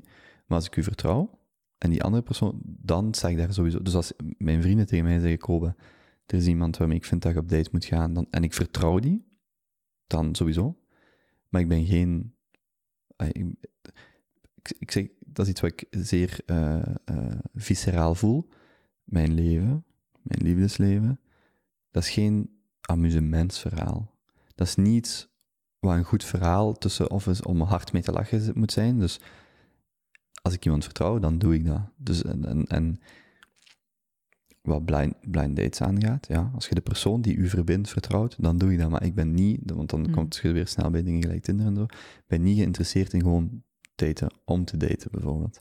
Maar ik vind wat bij een blind date leuk is, wat ik daar leuk aan vind, is ehm, dat je net moet loslaten wat, wat je denkt dat iemand gaat zijn. Dat je net moet je verzetten tegen, ik ga die persoon niet opzoeken, ik wil niet weten, ik wil die gewoon op dat moment leren kennen. En dat maakt mij niet uit waar dat die werkt, of hoe oud dat die is, of allee. En dat vind ik net, daarom vind ik blind date zo leuk, omdat dat dwingt je om dat los te laten. Ehm, dus ja, ik sta daar sowieso voor open, zolang ik single ben. Ja, tuurlijk. Kleine vo- voetnoot. ja, ja, dus vrienden mogen suggesties eh, komen doen. Ja, de meeste wel. Ja. Ja, en ik zeg, ik heb dat de laatste, dat is al een paar keer gebeurd, het laatste jaar. Ik vind dat, ik zeg, ik vind dat wel altijd leuk, omdat je, ja, omdat je op, een andere manier iemand kunt leren kennen. Eh, het is niet leuk als dat uit medelijden is. Om- maar te zeggen, als ik die Mm. persoon vertrouw, dan doet hij dat niet uit medelijden. Maar als dat bijvoorbeeld het idee is, dan denk ik, ja, nee, dat, dat hoeft voor mij niet. Ehm, maar ja, ja. Oké. We hebben nu al veel gepraat over eh, een relatie en, en wat dat daar voor jou belangrijk is. Ben je je nu bewust van, van valkuilen dat je ziet in een relatie? Voor jezelf? Mhm. Ja. Ik eh, ben van nature veel op zoek naar bevestiging en erkenning. Dat is dus een van die dingen die je deels in iemand anders, aan iemand anders kunt attribueren, maar ook zeer gevaarlijk. Je moet daar voor jezelf eh, eh, daar, daar rust in vinden. Iemand zei over laatst, maar je moet zelf fier zijn op jezelf. Ik zeg, ja, maar dat is... ik weet niet of dat gaat, maar je moet misschien rust vinden in die onrust. Voordat je dat aan iemand anders attribueert, maar dat is een valkuil. Ik denk gelijk heel veel mensen. Je hebt je, je hebt je bagage uit het verleden en je moet oppassen dat je... Sommige mensen kunnen dat triggeren door gewoon een kleine actie, maar die bedoelen dat niet zo slecht. Maar bij u triggert dat een hele cascade aan emoties en, en, en, en, en, en angsten en, en onzekerheden. En om dat dan niet op die persoon te gaan projecteren, want jij zijt zoals mijn vader of zoals mijn moeder, terwijl die persoon nog niet eens door heeft wat die eigenlijk fout is gaan. Maar dat is gewoon omdat dat bij u iets, iets triggert. En dat, ja, zo zijn er wel een paar dingen dat ik denk van, oké, daar moet ik ook rustig in blijven. Bijvoorbeeld, ik word keihard getriggerd als iemand zijn gsm op tafel ligt. En dat is irrationeel, want misschien verwachten die een belangrijke telefoon of dingen. Maar bij mij triggert dat alles wat ik niet tegen kan. En dat is zo'n soort van, wij zijn niet alleen. Of het is niet gewoon ons moment, de, de hele wereld zit erbij. Dat zit dan in mijn hoofd. Maar soms zijn er gewoon situaties dat er inderdaad een telefoontje gaat komen en je dat moet loslaten. En ik, ik hang dan al direct aan respect en bla bla bla, maar voor die persoon is dat misschien helemaal niet zo. Maar dat is iets wat er bij mij zeer visceraal in zit, van uh, wij zijn hier, punt. Laat de rest, laat de, de rest los. Dus dat is, dat is een voorbeeld van iets van wat mij keihard Ja, triggert. maar uh, ik voelde dat daarnet. Ik legde mijn gsm hier. Dat is deels om, om te kunnen kijken. Mm. Ah, ik heb nog maar net een horloge gekocht. Vroeger keek ik op mijn, op mijn gsm naar, mijn, naar, naar de tijd. En ik voelde dat, als ik die gsm neerlegde. Ik voelde van, ja, van, oei, dat, dat is niet iets wat jij graag hebt. En ik ben die gaan wegleggen, besef ik mij Oh, ik, had dat zelf, ik had dat zelfs niet door. Ja, ja. Ik had niet door dat ik dat... Woeps. Oeh, dat is geen whoops. Dat is, ja... Dat is zo... Ja, dat, Dat, dat is voor mij even goed. ehm, bijvoorbeeld, ehm, er is een filmpje van Casey Neistat, YouTuber, vlogger, ehm, die het zeer druk heeft. En die legt in dat filmpje uit hoe dat hij zijn dag indeelt. En hij zegt, hij dus s'morgens opstaan, wer- eh, sporten, werken. En om zes uur komt hij thuis. En hij, legt dat zo met van die domino-blokjes uit. En van zes tot tien is family time. Eh, dus tegen- toen had hem één dochtertje. Allee, oudere zoon, jong dochtertje.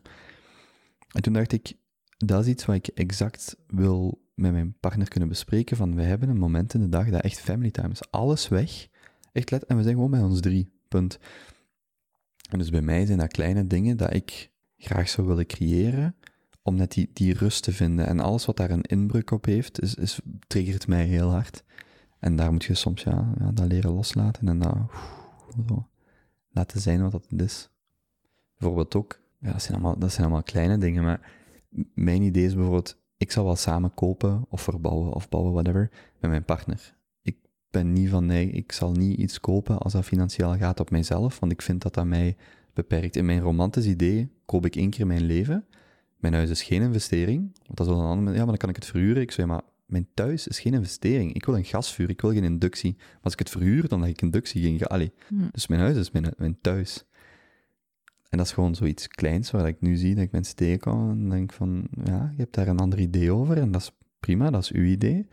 Maar voor mij gaat het om, ik wil dat samen met u doen en samen beleven. En wanneer dat er dan een, bij iemand anders een andere redenering achter zit, dan triggert dat bij mij al zo wat, ja, maar ik wil dat gewoon samen met u doen. Dat is fijn dat jij daar een plan voor hebt, maar ik wil dat samen doen. En dat zijn van die, van die kleine dingen, denk ik, waar je opnieuw over moet kunnen praten. Als je met iemand open kunt praten, wat heel makkelijk gezegd is, maar heel moeilijk gedaan. Dat is bijvoorbeeld iets wat, ja, wat ik heel belangrijk vind. Iemand als een stem verheft, dat zijn kleine dingen, hè. Maar zo, nee, ik wil dat niet, punt. Ik weet eigenlijk niet of dat echt een antwoord op de vraag is. Jawel, jawel. Zo. Het is een discussie dat, wij, dat, ik, dat, ik, thuis, eh, dat ik thuis ook heb. Van, eh, ik, ik ben iemand die in een ruzie wil kunnen schreeuwen. Ik wil kunnen schreeuwen in een relatie. Ik heb dat nodig. Hm. Eh, tien minuten, alles eruit. Deels is dat om, om, om de chaos uit mijn hoofd te krijgen. Of de kwaadheid of whatever. En ja, mijn vriend wil dat niet. Dus Mhm. ja, dan... Ik- Voor mij is dat dan direct zo'n verlies van controle. En ik ben door iemand opgevoed die controle verliest. En nee, absoluut niet. Ja. En dat, dat is een, kijk, dat is een gesprek wat je moet hebben. Ja. Dat is een gesprek wat je moet voeren van oké, je hebt die nood wel, ik heb die nood niet. Of, eh, hè, dus staan daar diagonaal of Mhm. diametraal tegenover elkaar. Hoe gaat je daarmee om? En dat is, Ja. ja, dat is hoe ga je daar dan mee om? Zeg het mij. Ja, ik denk dat, ik denk dat compromisbereidheid heel belangrijk is. Hè? En dat je, ik denk dat je moet voelen van elkaar dat je gehoord wordt, eh, letterlijk en figuurlijk. Ehm, ja. Ik weet dat niet. Ik, ik, dat, zijn, dat zijn echt dingen waarvan ik niet weet. Hoe zou ik dat zelf doen? Maar voor mij is dat... Voor, bij mij triggert dat gewoon volledig. Die is niet in controle. Als je niet in controle bent, kan ik je niet vertrouwen. Als ik je niet kan vertrouwen, kan ik niet bij u zijn. Dat triggert dat bij mij. Je zit onbetrouwbaar, punt. Allee, Ja. en nu zeg ik het heel kras, hè, maar dat, dat zo in mijn hoofd gaat. Hè. Je verliest controle, oké. Dan denk ik de volgende keer als we in de auto zitten en je zit dan op, op aan het jagen, dan krijg je al schrik dat we zelfs ergens tegen gaan botsen, want je zit de controle aan het verliezen. Zo dat, dat, dat triggert zo dat type ding bij mij. Je hebt wel een, een heel strak beeld over, over alles, hè, wat je ziet en, en denkt. En... Want bijvoorbeeld, hè, als we daar verder over, over het eh, al dan niet de stem verheffen in een, in een discussie, bij mij is dat juist controle. Want door dat te doen, hè, als, als, als er iets gebeurt, dan ga ik heel snel in kwaadheid en dan pas kan ik beginnen luisteren en in discussie gaan.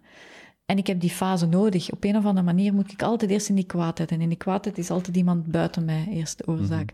En ik weet dat ik daardoor moet, dus door eerst twee minuten dat te laten uit, dat is mijn controle gewoon. Dat is mijn manier van, van daar gecontroleerd mee om te gaan. En terwijl dat jij juist zegt, ja, bij mij is Zou je dat... psycholoog dat ook zeggen? Of is dat Eh. misschien een, een reactie op een traumatische ervaring?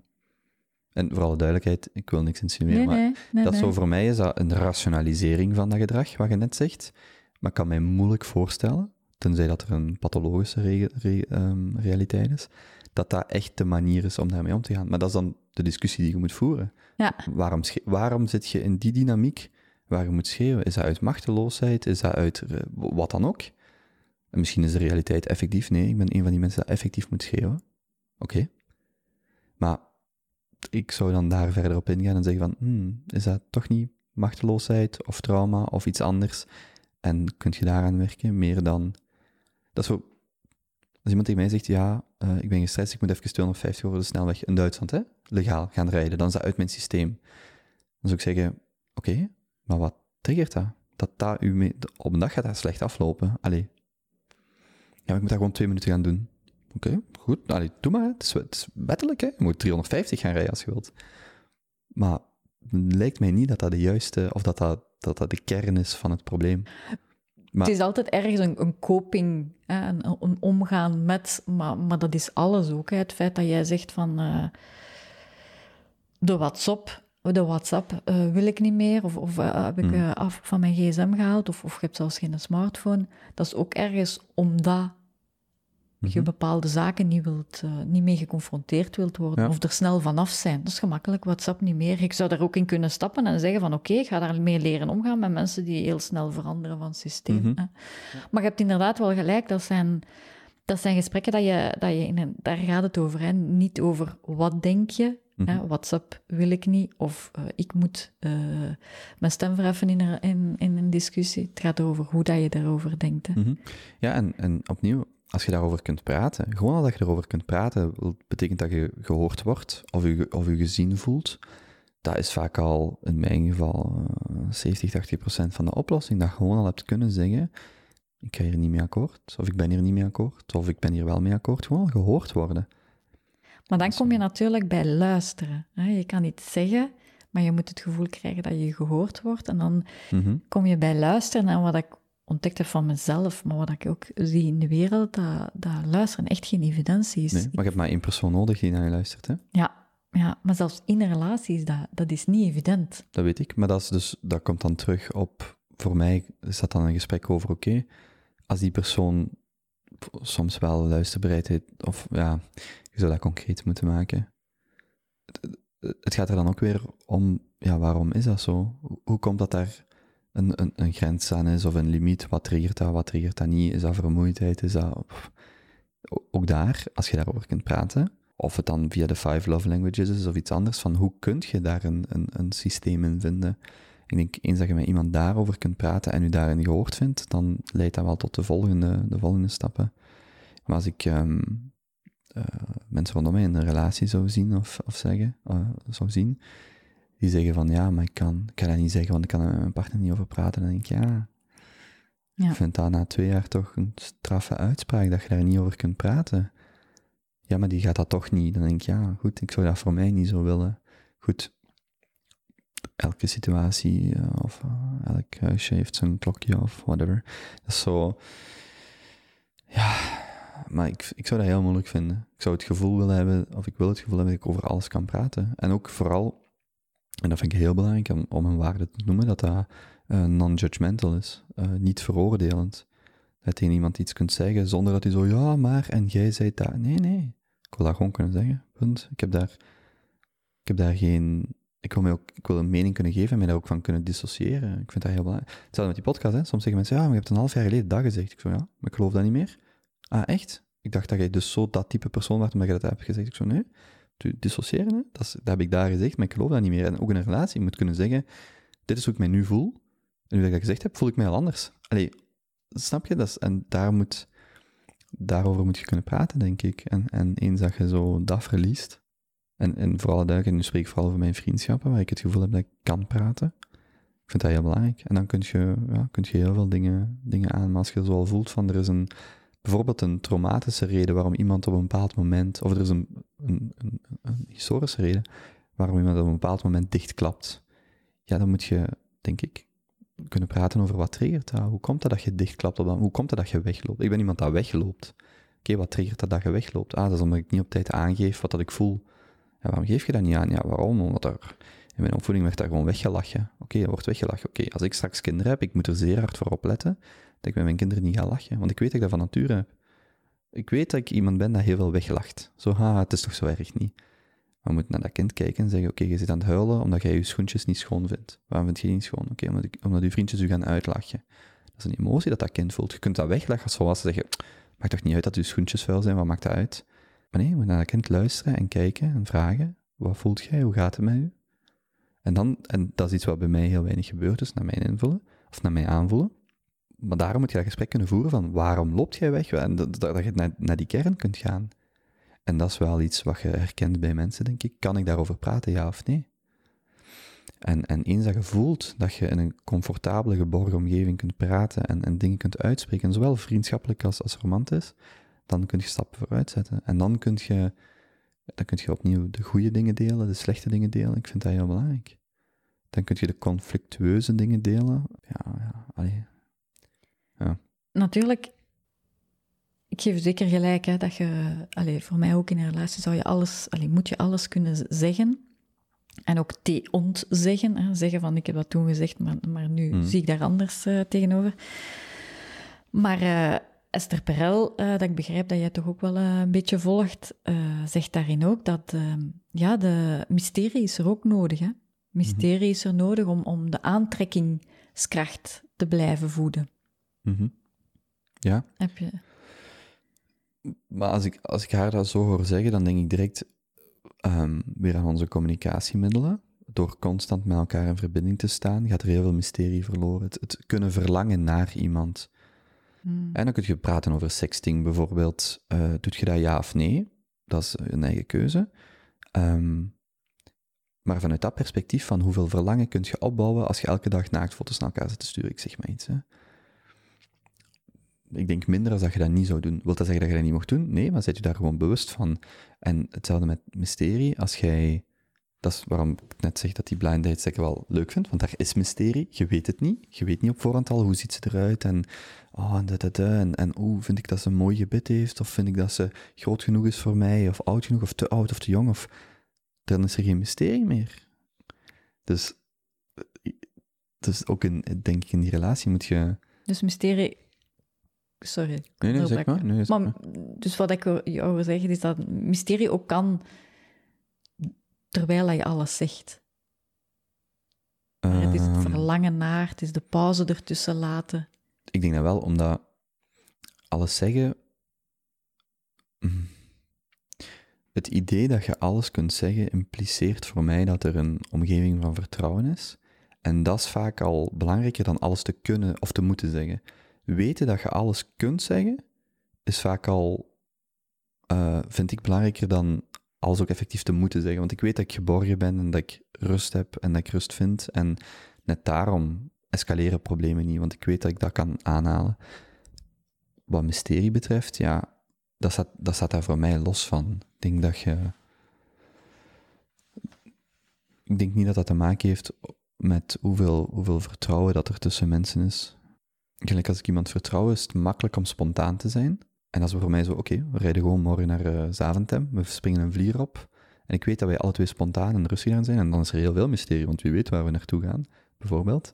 Maar dat is omdat ik u vertrouw. Dus die twee dingen, die, die overlappen wel, maar dat is, dat is niet hetzelfde. Ik denk dat je...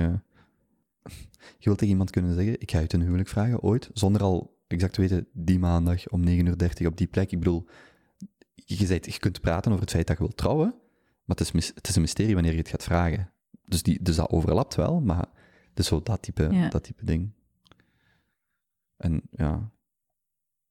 Ja, en ik denk voor die aantrekkingskracht dat niet alleen mysterie belangrijk is, maar wat je daarnet heel in het begin ook vertelde van uh, het regelmatig daten met elkaar in een relatie en tijd maken voor elkaar. Mm -hmm.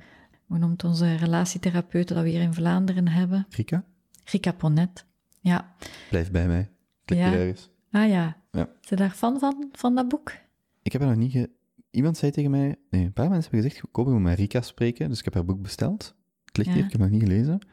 Maar ik heb wel zo op haar website een aantal dingen gelezen. Dus ik, ik weet nog dat ik haar website checkte dus en dacht, ah, het ziet er wel interessant uit. De hechtingstheorieën, ja. ja. Ik heb het er wel moeilijk mee, maar uh, als ze naar uw podcast komt, dan, uh, dan zal ik zeker luisteren. Hm. Um, wat zij vertelde in een lezing dat ik van haar volgde, is uh, ja, eigenlijk heel simpel. Hè? Van als je dan op die date gaat, zorg dat je je mooie hakjes aandoet. Doe dat niet alleen om naar het werk te gaan, maar doe dat ook als je met je man op date gaat. Mhm. Of als je een keer op restaurant gaat. En dat, dat denk ik dat dat ook wel belangrijk is om die aantrekkingskracht te blijven mhm. voelen. Maar dat is heel dat idee, als ik mensen hoor zeggen, je moet veel moeite stoppen in een date, zodat je iemand vindt, dan denk je, maar een relatie is elke dag veel moeite, hè? Als een, het is niet het daten waar je de nadruk legt. Het, als je met iemand samen bent, dan begint het pas. Dus waarom zou je hakken aandoen op een date, maar niet in het echte leven? Allee, ik bedoel, in het leven na die date, dan zit je op een van die twee momenten oneerlijk. Misschien het, en ik bedoel niet oneerlijk, zo expliciet van jij zit oneerlijk, maar van een, voor jezelf. want als je enkel twee weken gaat sporten voor een date, omdat je er dan beter uitziet en daarna lig je tien jaar op de zetel, dan zit je ergens niet eerlijk geweest. Voor jezelf, in eerste plaats. En als ik aan mensen zou zeggen, maar uh, ik doe heel veel moeite voor mijn date, zodat ik iemand vind, dan denk je, maar daten is nog relatief gemakkelijk.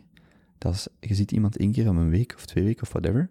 Als je daar elke dag mee samen bent, laat staan als je kinderen hebt, laat staan als je dan ook nog zieke ouders hebt. Het zal nog niet zijn dat het niet elke dag moeite doen is. Dus ik vind dat zo'n beetje absurd wanneer mensen dan zo ja, we gaan op date en we gaan gewoon in, onze jogging. Zo zou je dat op een eerste date gedaan hebben? Nee, oké, waarom dan nu wel? Ja, is gemakkelijk. Ik zei, maar wilt je gemakkelijk leven? Uh, ja, nee, ook niet. Ik zei, oké, doe dan wel moeite.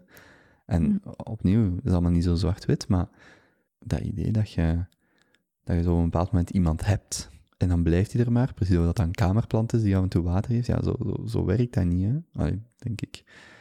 Ja, maar ik ben blij, ben blij dat je dat zegt, dat uh, daten dat dat niet, niet het echte werk is, hè, dat het dan pas begint. Maar ja, ja. Dat is gelijk een, een, een, uh, ja, een kind maken ja, dat is, dus dat kind opvoeden wat veel moeite is. Hè? Allee, ik bedoel, dat is, dat is niet zo van, ah, het is gemaakt en uh, het wordt geboren en yo, ik bedoel, nee, dan, dan begint het pas. Hè? En ik denk dat dat voor een relatie, dat is niet, misschien niet de beste analogie, maar ik denk dat dat voor een relatie ook wel waar is, dat je zo, uh, een vriendschappen ook, hè? Het is niet omdat je eens bevriend bent met iemand, of, stel je voor dat je morgen iemand aanwerft en die zegt, ah, nu ben ik aangeworven, nu moet ik beginnen met, met moeite. Nee, nee, nu begint het pas. Dat sollicitatiegesprek heb je heel veel moeite voor gedaan, maar dat is er, ja, ja goed, dat was één gesprek. Maar nu begint hier fulltime te werken, 40 uur per week, dus nu begint het, hè? Ja, maar ik heb mijn sollicitatiegesprek toch goed gedaan? dan zeg je toch, dat is absurd. Maar in daten zou je dan zeggen, ik heb een date goed gedaan en nu is het gewoon uh, uh, op automatische piloot. En dan denk je, nee, allee, ja, nee. Dat is toch absurd als je dat zo zou zeggen. En toch zie ik dat relatief vaak van, ja, maar nee, het is toch goed genoeg. En ja, maar het is allemaal oké. Dan denk je, maar oké. Als dat voor u goed genoeg is, allee, doe maar, maar ik heb daar een ander idee over. En, en, en opnieuw, ook daar is weer het verschil tussen ik en wij. Je kunt perfect zeggen, ja, ik moest ik op mijzelf zijn, wat maakt het mij uit dat ik wat overgewicht heb, maar voor mijn vrouw of man, die daar moeite voor doet, wil ik mee moeite doen, punt. Bijvoorbeeld, als mijn vrouw zwanger is, en die mag geen alcohol drinken, en stel dat is ook iemand van het Bourgondische type, dan snap ik niet waarom ik wel nog alcohol zou drinken. Ik mag alcohol drinken, Maar wij zijn in een situatie dat we een kind ontvangen en de ene mag dat niet, dus ik ga toch ook geen alcohol meer drinken. Allee, stom voorbeeld, maar dat zijn van die dingen. Ik denk dat ik, dat ik vrienden dat hoor zeggen van, ah ja, ik blijf roken. Dan denk ik, maar zij is zwanger, die moet stoppen. Allee, moet, die stopt. En dan, jij doet gewoon, dan denk ik, doe maar hè. Allee, ik, ik, ik heb daar geen, geen waardeoordeel over, maar ik snap dat gewoon niet. En dat is opnieuw redeneren vanuit ik. Ja, maar ik mag toch roken? Dan denk je, maar gast, ja, dat werkt toch zo niet? Allee, vanuit mijn romantisch standpunt. Ik ben verliefd op je romantisch standpunt, Ja. Kobe. Maar dat is zo... En opnieuw, het is allemaal niet zo zwart-wit, maar dan denk ik, jongens, dat is toch... Dat is de, de grens tussen ik en wij. Dat is eigenlijk, dat is eigenlijk nog een beter voorbeeld dan die begrafenis. Dat is gewoon, oké, uw vrouw mag niet meer drinken, want die is zwanger. Stop je dan met drinken, ja of nee? En of als je vanuit wij redeneert... En nu gaan er misschien mensen zeggen die zeggen, "Wow, ik zou dat niet erg vinden, moest mijn man nog drinken. Dat is niet mijn punt. Mijn punt is gewoon, redeneert je primair vanuit ik of vanuit wij. En dat kan. Je kunt dat op honderden en één voorbeelden trekken. En dat vind ik wel, ja, ik vind dat belangrijk, dat je daar, dat je daar voor jezelf... ehm, dus als het, eh, het ging eigenlijk over dat overgewicht of over dat sporten of whatever. Ja, als de ene persoon zegt, ik wil graag mooi zijn voor u, wat dat ook betekent, hè, vul, vul dat in gelijk je wilt, ja, dan is dat toch motiverend om dat ook om dat te wederkeren. Als de ander zegt, ja, ik ben een slons, want het interesseert niet, dan gaat de andere zeggen, ja, ik ben ook een slons, want het interesseert niemand. En voor het weet zit je twee eh, lethargische personen, hoe dat, dat er ook uitziet. Maar als je elkaar daarin kunt motiveren en daarin meegaat, opnieuw, niet vanuit het ik, maar vanuit het wij. En we wil, eh, ja, ik vind dat, ja, ik vind dat dan net motiverend. En ik vind zo de, de leukste relatietest of de kortste, en vind ik de belangrijkste, is haalt je het beste in elkaar naar boven. Dat is als ik naar koppels kijk, en hopelijk ook naar mijzelf, dat is gewoon haalt je het beste in elkaar naar boven. Punt. En er zijn er een paar waarbij ik dat zie, dat ik echt denk, ja, die halen het beste. in- En dat gaat niet om elkaar zwaktes opvullen, dat gaat er gewoon uit, kunnen die elkaar op een fundamentele manier versterken. En dan kun je zeggen, ja, maar ik ben ik, en ik heb genoeg zelfliefde en blablabla, dat is goed. Hmm. Maar heb je ook iemand die u daarin versterkt? Die u, hè, de, en als dat waar is, dat zijn bij mij anekdotes de sterkste koppels dat ik ken. Die versterken elkaar. Die halen het beste in elkaar naar boven. En het beste zijn, ja, alleen dat is ook niet zo plat bedoeld als een x omzet of x eh, eh, medewerkers of whatever, maar dat gaat meer om, zijt je de persoon die je kunt zijn of zo? En, en dat is iemand die je daaraan herinnert of je daar actief in helpt. En nee, je hebt die persoon niet nodig, per se, maar die haalt dat wel nu naar boven. Ik vind dat, Kobe, Ja. zeg maar, dat is prachtig wat je nu zegt. ja... ja. Jij zegt dat hier zo even ter, terloops na, na zoveel vragen en Gewoon de rest eruit knippen. Echt zo. de ultieme relatie. Vijf minuten met Kobe, na een uur en drie kwartier heeft hij iets interessants gezegd. Nee, iets interessants. Dat is gewoon mega wat dat je zegt, want je, je zegt het ook met z'n ogen van... Het is hier de, de, de meest logische dingen en simpel iets wat ik aan het zeggen ben, maar eh, een relatietest inderdaad kijken... Want allee, dan, dan, dan zie ik ook dat je naar andere koppels kijkt en dat je je afvraagt van, hebben die een goede relatie? En wat vind ik dat een goede relatie is? En, en daarbij zeg je van, eh, voor, voor jou is de ultieme relatie eigenlijk koppels die elkaar sterker maken. Mhm. 1 plus 1 is 3. Ja, ja. Prachtig. Hetzelfde met die Ferdinand, mensen en kinderen. Dat is zo, ehm, je kijkt daarnaar en je denkt, dat wil ik. Of dat ehm, ambieer ik. Oké, goed. En dan gaat je naar de kern. Wat, wat, wat zorgt ervoor dat je op dat punt zou kunnen staan? En dan zie je dus bij die, bij die koppels is dan de kern telkens, die halen het beste in elkaar naar boven. Of halen ze het beste in elkaar naar boven? Vraagteken. En voor 80% van de koppels denk ik dat dat nee is, dat antwoord nee is. En voor, Oei. ah ja, Wilt het dan zeggen dat je, dat je ervan uitgaat dat 80% van de koppels eigenlijk geen goed koppel zijn? Eh, ja, ik, ik wil mij niet vastpinnen op die 8 op de 10. Nee, maar het Ehm, grote merendeel. Ik heb al eens in de podcast gezegd ehm, dat 80 op de 100 eh, op springen staan, of gaan, die, die gewoon niet gaan overleven. En dat dan 20 op de 100 goed zijn en 5 op de 100 dat ik echt denk, wauw, zo wil ik het. Dat is zo wat de verdeling in mijn hoofd. Oeh. Ja, ik denk dat er... Allee, dat is dan wel geen romantische... Nee, maar dat is zo eerder dat pragma. Maar datzelfde met jobs bijvoorbeeld. Hoeveel mensen... Er is zo'n studie in de VS, 87% van de mensen doet een job niet graag tot haten. Het is zoiets. Hm. Ja, exact dat. Dat wil niet zeggen dat die een job niet waardevol is of dat zij niet relevant zijn. Dat wil gewoon zeggen, onderliggend haalt je het best in elkaar naar boven in die job? Nee, want je zit niet op je plaats. Wil dat zeggen dat dat... Hè, dus ik wil daar geen daar geen waardeoordeel weer over doen. Maar ik zie dat gewoon bij de, ja, bij de meeste mensen rondom mij, dat ik denk, oké, jullie zijn samen, maar jullie blijven niet samen. En de mensen, en, en dat is zo, Ja. dat is zo, hoe moet ik dat zeggen? Want vooral, dat, dat is geen waardeoordeel, hè? dat is gewoon, dat is hoe dat ik dat anekdotes zie. Maar je, je- als je koppels tegenkomt, dat wat je, her- sterke koppels, dat wat je herkent, denk ik, is, dat, dat straalt daar zo van af. En je ziet dat gewoon niet zo vaak, denk ik, dat je echt denkt van, wauw, die zijn heel sterk samen. En ik zal dat dan benaderen vanuit dat, weer eerder dat romantisch standpunt. En opnieuw, of dat nu 80, 15, 5 Hmm. is, eh, dat, dat zal met de tijd wel veranderen, die verdeling. Maar ja, dat, dat, zijn, voor- ja, ja. Maar het is natuurlijk ook een hoge lat hè, dat, dat je zelf legt van koppels die elkaar sterker maken in een relatie. Want ik kan er mij ook van eh, koppels die 30, 40, 50 jaar samen zijn. Ja, ik denk niet dat ze kunnen zeggen dat ze in die 30, 40, 50 jaar elkaar altijd. eh, Tuurlijk, maar dat is ook wat ik, net bedoel met die partner die thuiskomt en zegt ik heb geen goesting om te praten over het werk. Als onderliggend jij je werk heel graag doet en je hebt gewoon geen ruimte om erover te praten, geen probleem. Als onderliggend de reden anders is, namelijk ik doe mijn werk niet graag en ik wil er nooit over praten, dat is iets dat is hier hetzelfde. Als onderliggend je weet dat je in elkaar het beste naar boven haalt, dan kunnen er perfect periodes zijn dat je dat dat niet is. Dat zelfs als ik zeg, ja, wij, dan de kinderen, dan de ouders, dan de rest, of de familie, dan de rest.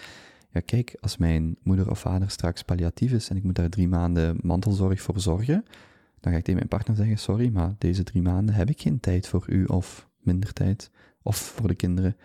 Dus natuurlijk gaan er periodes zijn, dat is, Mm. niet, dat is niet gebeiteld een steen en dat, is, dat zijn geen tien geboden die je exact moet volgen. Tien geboden moet je ook niet exact volgen, maar het gaat erom dat je, die dingen zijn niet zo vastgezet, maar je moet wel onderliggend, moet je partner tegen u kunnen zeggen, oké, dit was de hiërarchie, wij, dan de kinderen, dan de ouders. Jij moet nu drie, zes maanden voor je ouders zorgen, doe je ding, maar daarna wil ik terug, wil ik met u, ik vind het belangrijk dat wij een weekend, een week, whatever, voor ons pakken om dit te verwerken en erover te praten. En dan kom je terug op die onderliggende stroom, namelijk wij en dan de rest. En dat wil niet zeggen dat je in, de, eh, in het dagelijkse bestaan, dat dat niet eh, in flux is, zoals alles. Maar je hebt wel iets om op terug te komen. En dat vind ik dan wel... Als, u, als mijn partner tegen mij zegt, kijk, ik moet dit jaar of de komende twee of drie jaar keihard aan een project of aan een opleiding of aan een doctoraat of aan whatever werken, is goed, oké. Maar hoe kunnen wij die onderliggende hiërarchie dan wel honoreren? En als dat wil, wil zeggen dat jij 50 weken op een jaar keihard gaat werken, dan wil ik wel die twee weken volledig vrij hebben. Ik was over laatst met zo iemand aan het praten en die zegt, ik zat in een relatie en ik nam mijn laptop nog maar mee op het werk en die gast ontplofte. Eh, sorry, ik nam mijn laptop mee op vakantie en die gast ontplofte. Ik zeg, ja, dan moet je gaan naar waarom. Wat sym- het gaat niet om die laptop, maar wat symboliseert dat? Dan kwam het erop neer, en ik denk dat dat herkenbaar is voor veel mensen, dat je die 50 van de 52 weken vrij afwezig bent, want je zit gefocust op je werk, of op je carrière, eh, op je carrière, of op je kinderen, of, of op je ouders, of whatever. En daar kan iemand mee omgaan, maar dan die twee weken dat ze echt bij u willen zijn, dat dat dan ook verstoord wordt, dan ontploft de boel. En dat is zeer menselijk. Hm. En dus dat gaat niet om die laptop, maar dat gaat om wat dat symboliseert. Hetzelfde met mij met die gsm, dat symboliseert iets. En daar moet je over kunnen praten. En dan moet je kunnen zeggen van, kijk, wij, dat is de prioriteit. Hoe gaan we dat doen? Wel, 50 weken is er weinig tijd voor ons, maar die twee weken gaan we echt wel voor ons nemen. En die kinderen maar naar de ouders of B of kamp of whatever, en wij twee met ons twee samen. En dan is dat weer een balans. En dan kun je een jaar elkaar niet zien, 50 weken, en die twee weken wel, maar dat is omdat je onderliggend dezelfde waarden en normen deelt, of dezelfde prioriteit of hiërarchie, of hoe je dat wilt noemen, eh, hebt. En dat vind ik heel... Ja, dat, dat, dat, dat is gewoon een, een, een gegeven, dat is iets gelijk dat... Ja, ja allee, dat is gewoon iets vast waar je op moet kunnen terugvallen. En dan moet je, denk ik, kunnen praten met elkaar en kunnen zeggen, oké, we moeten nu twee, drie jaar naar het buitenland voor een job, of voor een doctoraat, of voor een bedrijf, of voor ons kind dat topsport doet, of whatever. Oké, we gaan die nu drie jaar naar elke avond ergens rondrijden, want dat, eh, ik zeg, die dingen gebeuren, hè? Of, of een kind dat sterft, of een ouder, of een invloed heeft op je leven, maar je moet dan kunnen teruggaan naar hoe vinden wij als koppel daar een, een balans in, in onze, onze wegen. En ja. Denk dat dat, daar, dat dat daar vaak op terugkomt. En dat heeft dan weer te maken met hoe goed kun je praten, uh, in welke mate vind je elkaar, verstaat je elkaar, probeert je elkaar te begrijpen, niet onderuit halen. Ja. Een laatste vraagje, Koben. Uh, de titel van deze podcast is En ze leefden nog lang en gelukkig. Dat verwijst naar het einde van de film, het einde van het sprookje of het einde van het boek. Wat gebeurt er volgens jou na die film? Heb je een specifieke film in je hoofd? Nee, nee, er is een film en, en ze kunnen elkaar, ze, ze, zijn eeuwig op zoek naar de liefde, alle twee. En uh, pas na een uur en een kwartier vinden ze elkaar per ongeluk, dan loopt het weer verkeerd, er is wat drama. En uh, uh, ze hebben elkaar gevonden en ze lopen naar elkaar toe en dan leefden ze nog lang en gelukkig. En welk beeld heb jij dan op dat moment? Hoe zie jij dat, hoe dat het dan, wat het erachter komt? Ik denk als ik dat hoor of zie, dat ik dat vooral associeer met uh, een rustig, gebalanceerd innerlijk leven met z'n tweeën. Dat ik dan een beeld heb van mensen die samen de wereld of het leven trotseren en, en vanuit hun twee uh, op een eiland of zo hun ding doen. Ik heb dan geen grootse reizen of whatever zo in mijn hoofd, zo, of grootste dingen. Bij mij, als ik dat zie, dan, dan roept dat bij mij zo'n bepaalde rust op. Zo'n bepaalde, het is goed. Wat we doen maakt niet uit, zolang we maar samen zijn. Zo dat type gevoel uh, roept aan mij op. Ik weet, niet of dat, ik weet niet of dat een antwoord is op de vraag. Ja, dat, dat je het rustig en gebalanceerd uh, gevoel zoekt in de relatie. Mm En ze leefden nog lang rustig en gebalanceerd samen. Ja, ja zeker niet zoiets zo. Niet zo Michael Bay-achtig, zo met honderden explosies en vuurwerk en dit en dat. Voor mij gaat dat vooral om ja, een soort van rust vinden in wie je zijt en, en wie je samen zijt. Ja, dat is zo de, de, de, is die, als ik daar, daar straks had over The Secret Life of Walter Mitty, uiteindelijk um, zou die film afsluiten met zo'n scène. En dan denk ik vooral dat. Zijn twee, rustig. Elkaar ontdekken, rustig, zo. Dat is dat, beeld, pardon, of de emotie dat ik dan, of het gevoel dat ik dan heb. Ja, mooi. Ik word er helemaal rustig en gebalanceerd van. Oké, okay, dankjewel Kobe voor uh, eh, prachtige gesprek. De mensen zien het niet, maar ik zit hier met een grote glimlach op mijn, uh, op mijn gezicht, waarschijnlijk. Maar ik zie dat bij jou ook precies. Uh, het is precies wel leuk om over de liefde te babbelen.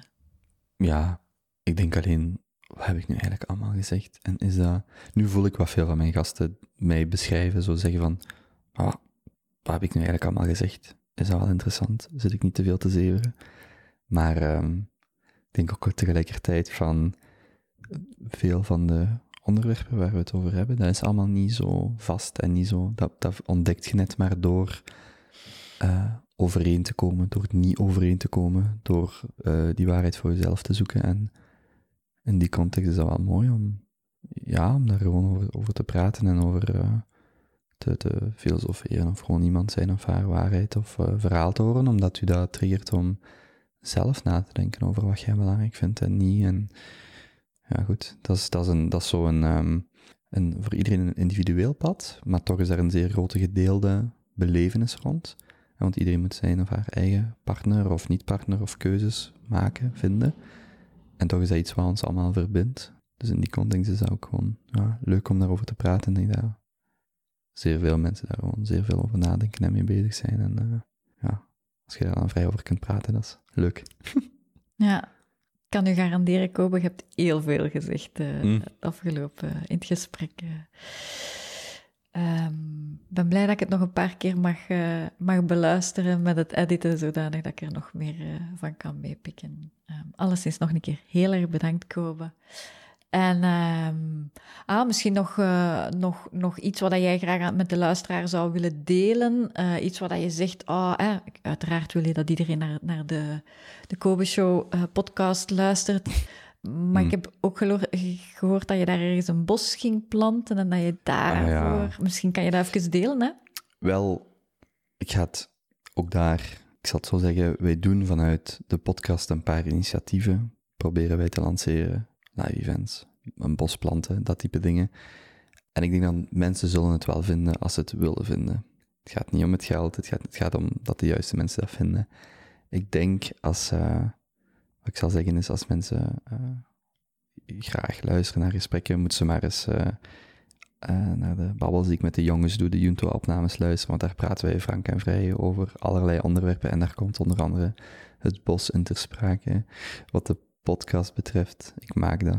Dat heet de Kobe Show, maar ook daar, mensen kunnen het volgen als ze dat willen.